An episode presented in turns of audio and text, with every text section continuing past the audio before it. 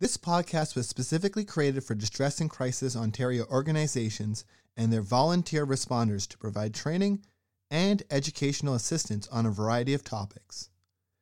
As information evolves and changes, these podcasts are meant to offer ongoing support with the goal of updating them on an ongoing basis. We thank the volunteer responders and the contributors to this podcast. Please visit our website, dcontario.org, for more information and how to access free mental health services. Thank you.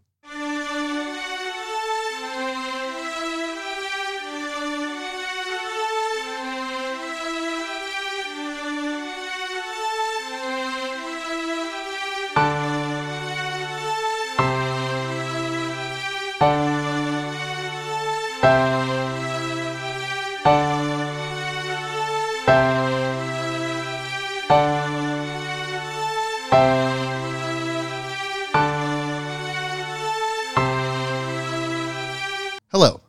On this week's DCO podcast, we asked former children's TV host and more currently RuPaul Canada Drag Race's first winner, Priyanka, about quick tips on being an extrovert during the pandemic. Hi, Damien. It's me, Priyanka from Canada's Drag Race. You're asking me, how do I deal with the need to perform, be in public, make that money, yet be responsible, social distancing? Honestly, all the venues that I've been booked at have been very good at keeping social distance between people. It has not been hard. It's been actually very easy because all the rules and regulations are in place. Um, whenever I feel anxious before I go on stage, I just remind myself why I want to do it. And luckily, like, as a drag artist, I perform to music. So, like, I tell myself, like, once that track starts, there's no turning back. So you kind of have to, like, push yourself off the bridge a little bit. You know what I'm saying? And how do you be an extrovert during isolation? I FaceTime everybody all the time and stay social, but also take time for yourself. You don't have to talk to people. I love you. Hi, I'm Damien, one of the editors of the DCO Learning Forums podcast.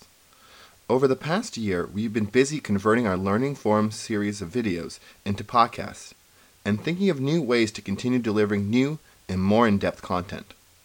We've seen the demand, and we're announcing our move to Pinecast and our new tip jar function. Please consider going to tips.pinecast.com slash jar slash distress and crisis Ontario and donating. And in return, we'll be recording new follow up episodes on some of our most popular topics.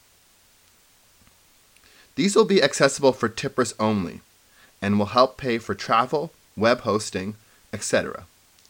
For the interim, you'll still be able to access existing content on both on both the Pinecast and Fireside feeds for free, but eventually we'll be making the switch to Pinecast.